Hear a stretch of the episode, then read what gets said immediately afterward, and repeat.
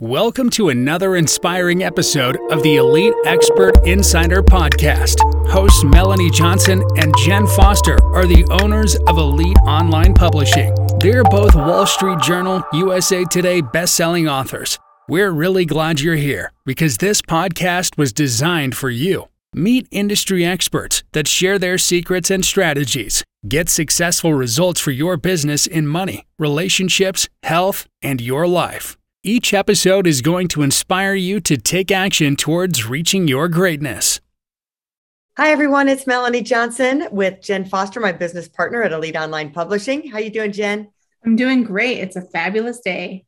It is. It's always a great day to be on a podcast, right? And learn and inspire and get motivated. So, we want to remind you to subscribe to our podcast because we do that every single time. We bring you amazing people here that you can learn from, get inspired from, and take your life to the next level. Uh, so, remember to subscribe. And as always, if you're looking to publish a book, um, reach out to us at Elite Online Publishing and hit that submission button, we'll see if we're a good fit for you. So, today we are very honored, and it's really a special special treat to have one of our authors, not just one of our authors. She is like, she is like the boss when it comes to being an entrepreneur. Well, not an entrepreneur, just a businesswoman. She has overcome so many different things. So if you want to be inspired today, you just hang on and hold on to your seats because we got a lot of great information for you coming. So, Dr. Laura Murillo, thank you for being on our podcast today, for being an international number one best-selling author. I just think you're the bomb. So welcome. Thank you so much. How exciting. And the fact that you're calling me an author and number one bestseller is still unbelievable. And certainly a big part of it is thanks to both you and Melanie and the whole team, uh, Jen, Anita, everyone. Thank you. Awesome. Well, tell us, Dr. Laura, a little bit about how you got started and how you became the successful businesswoman that you are today with a best selling book. Well, I got started very early at the age of 10 with my parents working at a family restaurant. And then from there, got my bachelor's, earned my master's, doctorate, worked 15 years at the University of Houston, then was recruited to the Texas Medical Center, and ultimately was recruited as president CEO of the Hispanic Chamber of Commerce. And all along the way, people would say, You should write a book, you should write a book. And then I started to believe that I should write a book the global pandemic came and I thought, if I don't do this now, I never will. And I had thought about it, but I wanted to make sure that I partnered with people who knew a lot more about this than I did. And it just never felt right. And when my friend Jamie Roots had written his book and he and I saw each other and he said, You should write a book. And we sat down and talked. And before I knew it, pandemic was, you know, just horrible here in our city and across the globe and met with you guys, began talking. And before I knew it, I had signed a contract and there was no turning back. It was all go, go, go. And I think it was only maybe six, seven months from the time that we signed and got started to getting your book out. So it was really fast. And the book is Lead in Life. So check yeah. that out. I want to put out the name of the book. Lead in Life at drlauramurillo.com. And yes, it was on definitely on the fast track and uh, that was the only way it was going to work for me personally. And all along the way you guys um, introduced new ideas thoughts and helped me again overcome any challenges. And for folks who are thinking about it what i'd say is that certainly i believe i have skills. I believe i have talents.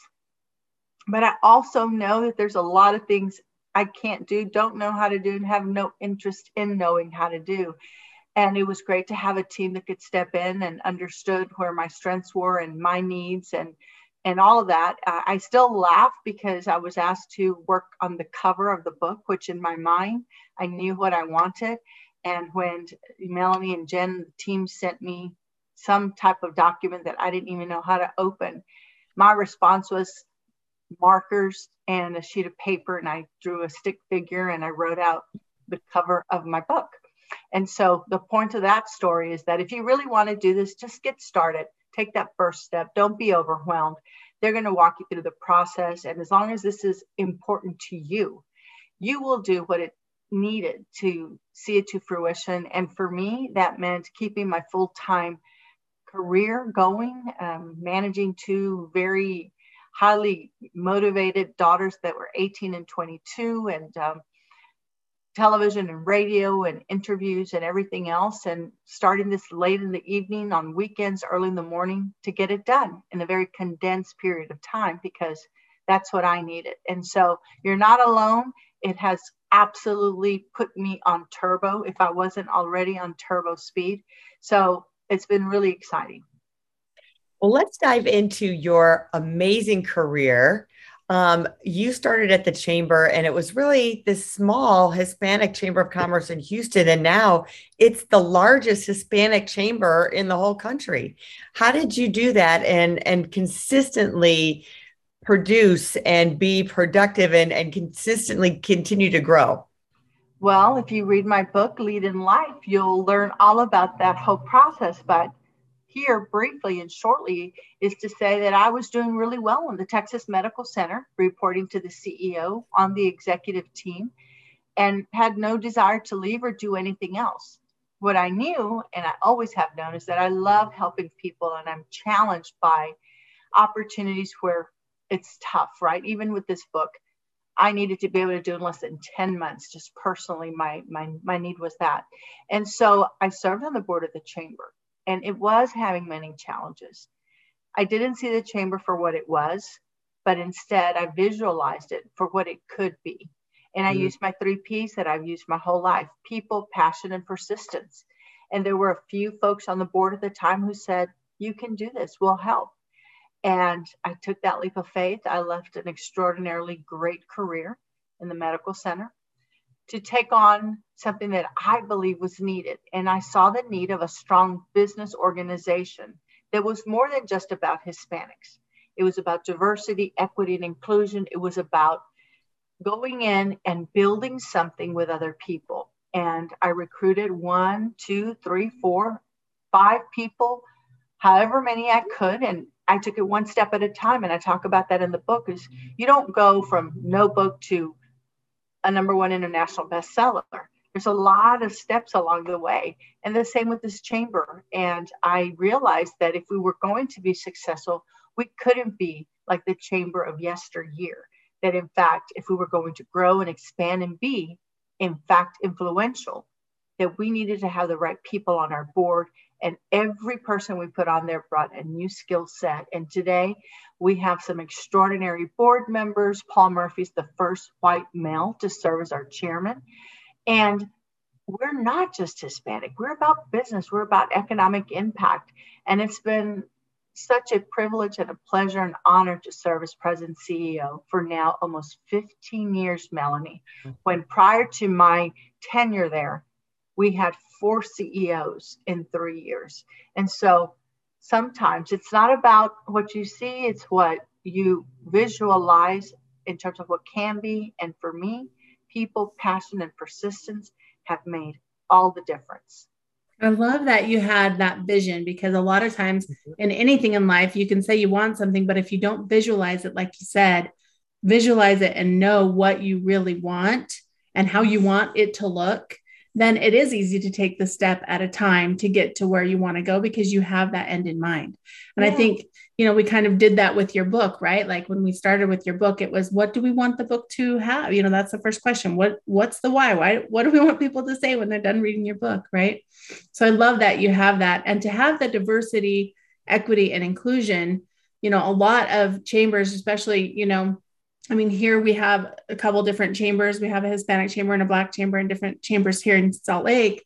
But you know, I I was always like, oh well, why would I be a member of that? Because I'm I'm not a, a Hispanic person or a Black person. Right. Um, right. But but then I got invited to one of their events, and I was like, oh, huh, I guess it is everybody. you know, I didn't even think about yeah. that. I, I could write a whole book just on nonprofits, actually and some mm-hmm. of the mm-hmm. common mistakes. I'll tell you because I came from corporate America prior to the chamber one of the things that changed immediately was running it like a business. And not this again no offense to anyone but this whole idea of selling somebody a table or you know oh please please buy these tickets or come to our golf tournament or a, a networking mixer. We do none of that. And so changing the whole dialogue with board members that were accustomed to that to say oh by mm-hmm. the way we're not doing that anymore and we're going to stop everything. We're going to assess everything and we're going to see what's profitable, see what is not. We're going to hire the right kind of people. We're going to recruit different kinds of board members based on industry sectors. And oh, by the way, they may not be Hispanic. Was again at the time not necessarily well received by all, but as with everything, success has many fathers, failure has few. And so I've been blessed to surround myself with really smart people who were loyal and believed in me. I've failed all along the way, but I've just gotten back up again and tried a different way. And I'm just happy to see that Houston has such a vibrant, vibrant business community mm-hmm. and that we're respected and that we have influence and that we're inclusive. And it's not just Hispanic, it's about economic impact. And everyone that I know, maybe a couple, are, are all about economic impact because believe it or not, that, that solves a lot of challenges and problems. If you are financially in a position to help and serve and do for others. And it's been a fantastic ride. And you know, I want to share a, I want you to share the story of your persistence because so many people give up so easily. You have a lot of stories about being persistent. The one that always sticks out in my mind is the one with Tillman Fertitta getting him to talk. Um, if you want to share that one or another one, but I think that's one of the the really great things of your story is how persistent you were, even when you may have had no's a bunch of times. You just didn't give up. Sure. Well, one of them, and I will talk about the Tillman Fertitta one, but another one is my background like you melanie is has been you know journalism. I thought i would be a reporter. I would sit and watch barbara walters and the local television stations and i wanted to share stories tell stories.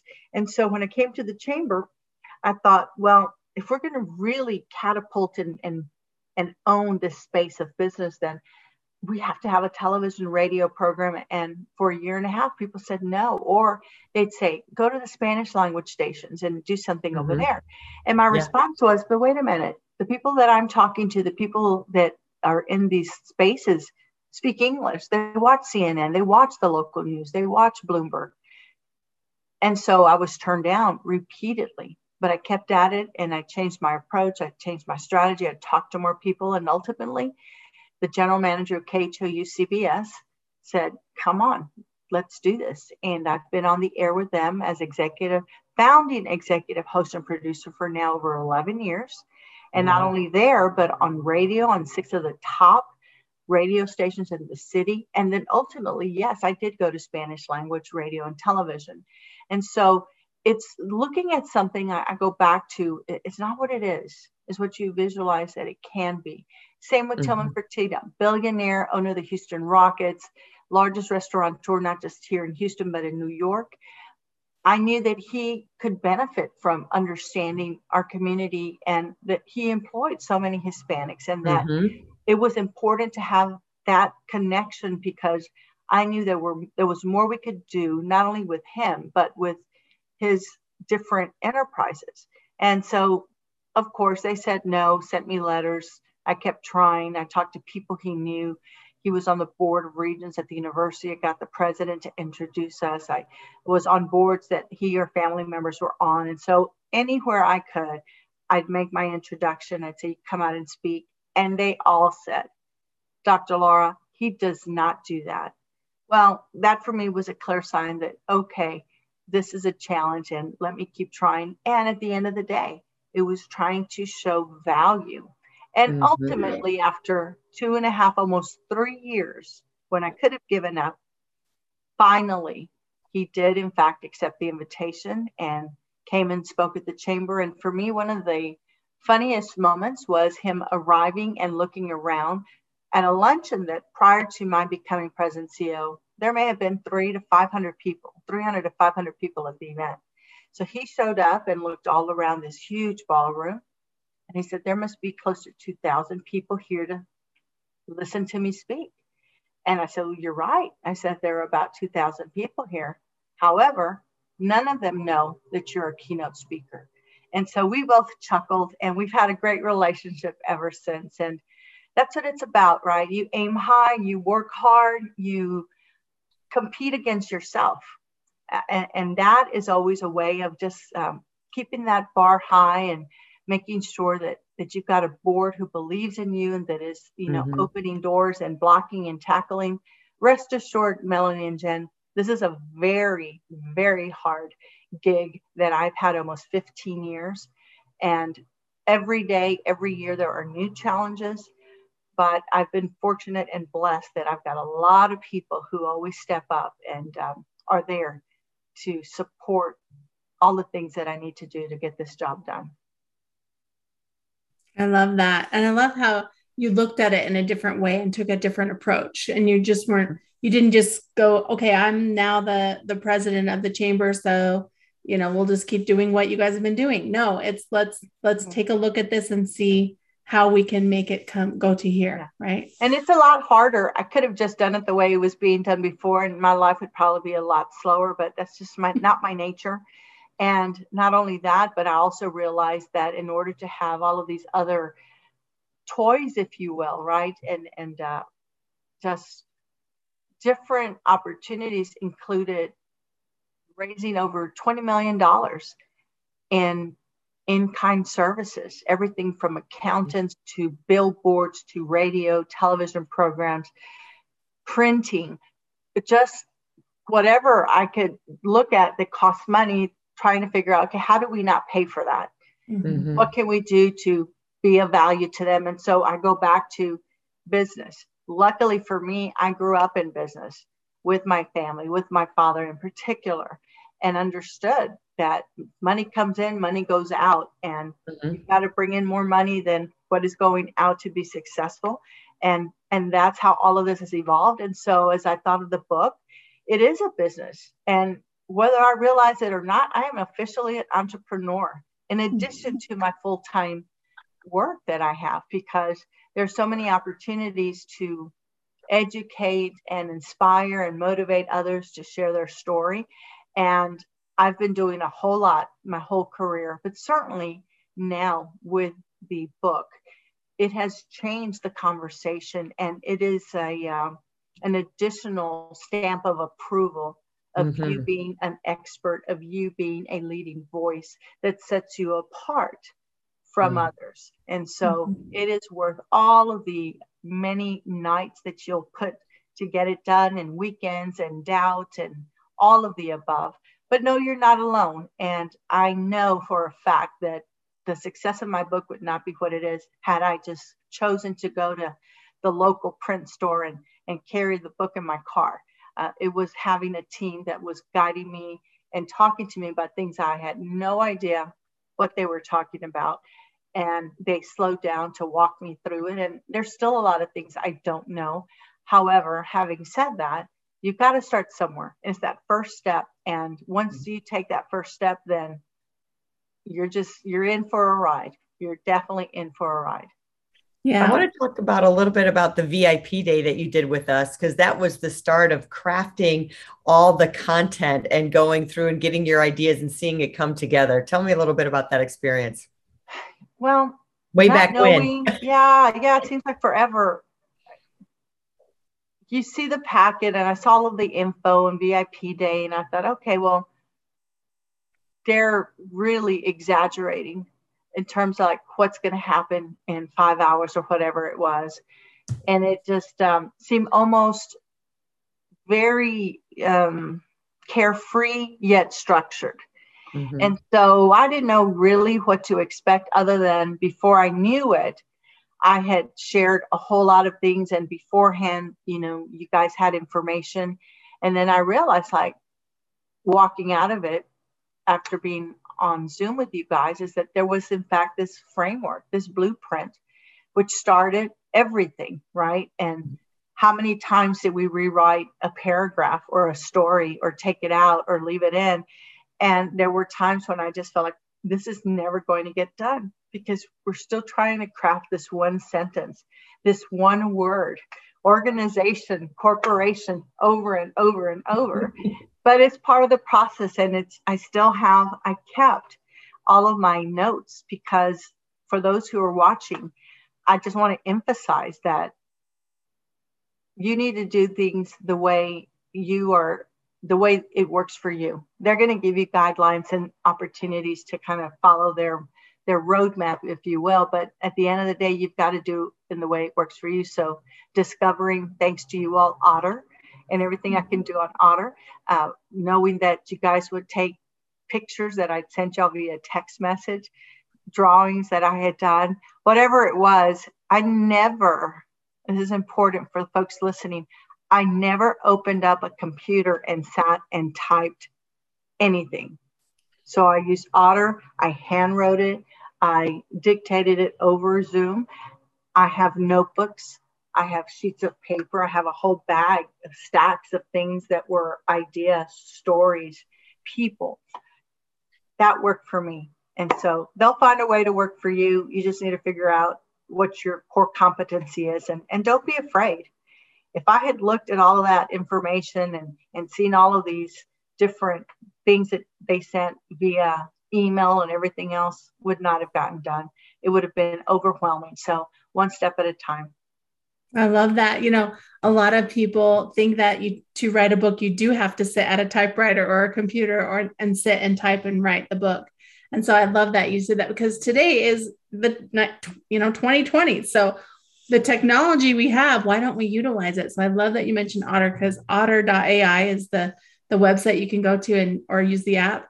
And yeah. it's so great to be able to record your voice and to send off things. It's just great. I love it. Yeah. I think that's why uh, it was not the right time for me to uh, write my book because Otter wasn't around. So, you know, yeah, it wasn't the time. But anyway, just just get out there and ask questions and visit and talk to people. And it, in my case at least, it has been an absolute game changer. And more than anything, is something that I had talked to my daughters about doing. Mm-hmm. And I said, one day I will write a book, and one day, and that one day never came until the global pandemic. And it was a way to show resiliency. It was something that gave me an opportunity to focus on something tangible that I controlled versus sitting around and eating bonbons, right? and so uh, it took a lot of time and effort and persistence, but I'm so glad I did it. And a lot of unknowns because I've never done this before and, and I like to be in control. And it's one of the things that I wrote on the forms, like, what should we know about you? And it was like, I like to know what's going on. I like to be in control. And so when you see me go off the reservation, it's because I'm feeling like I don't know what's happening. And so um, I'm just glad I did it. And I have so much to learn and I've learned so much and it's opening doors. And I'm sharing a story that I think is important the timing for diversity, equity, and inclusion. That backdrop to the story that I had to tell of my immigrant parents all collided mm-hmm. at a mm-hmm. perfect time. And that I believe was the you know the perfect time to have a launch party and again as is my nature i wanted to do it first class and and i chose to do it at the post oak where i am a member and it's a beautiful setting and I thought, mm-hmm. okay, I'm only going to launch this book once and I want to do it right. And I want people to be proud of a Houstonian as a single parent, as someone who mm-hmm. loved the city, that, that I would invite some of the top CEOs, that the mayor of the fourth largest city would come and not only endorse it, but put it out on social media, that a billionaire that I've had the privilege to become friends with would take time from his day and come out and post it on all of his social media as well. And people that I hadn't heard from since middle school or that I worked with say, I'm getting your book, or I saw you on the paper, or I saw you on television, and I'm so proud of you. At the end of the day, is to inspire, to motivate, and to show people that if you have a dream, and maybe one of those dreams is writing a book, that it can be done. That's great. Well, uh, repeat your website again so everyone knows where to uh, to find you. It's Dr. Laura L A U R A Murillo M U R I L L O dot com. Awesome. We'll put the link up in the show notes as well as on the YouTube video, Thank and people you. can go there to get your book and to read more about you. Thanks. Awesome. Well, appreciate you guys and all that you do. And it's been a great journey. And I know I'm still at the very beginning of where this will ultimately take all of us and take me. And uh, I'm just so appreciative for your expertise, your knowledge, and uh, just helping me cross that finish line. So thank you. It was our pleasure and it was an honor. And we're just so excited to see where your book is going to take you and how many lives it's going to inspire. So thanks again for joining us. Remember to uh, subscribe to our podcast, and we will see you next time right here. Thanks again. Bye. Hey, are you looking to increase your revenue, build credibility, and elevate your brand? This podcast is brought to you by Elite Online Publishing, an innovative publishing and full spectrum marketing company. They will publish and market your book to make it a number one bestseller. Becoming an author is the best way to market your business. So contact them at eliteonlinepublishing.com today. All of their authors become number one bestsellers.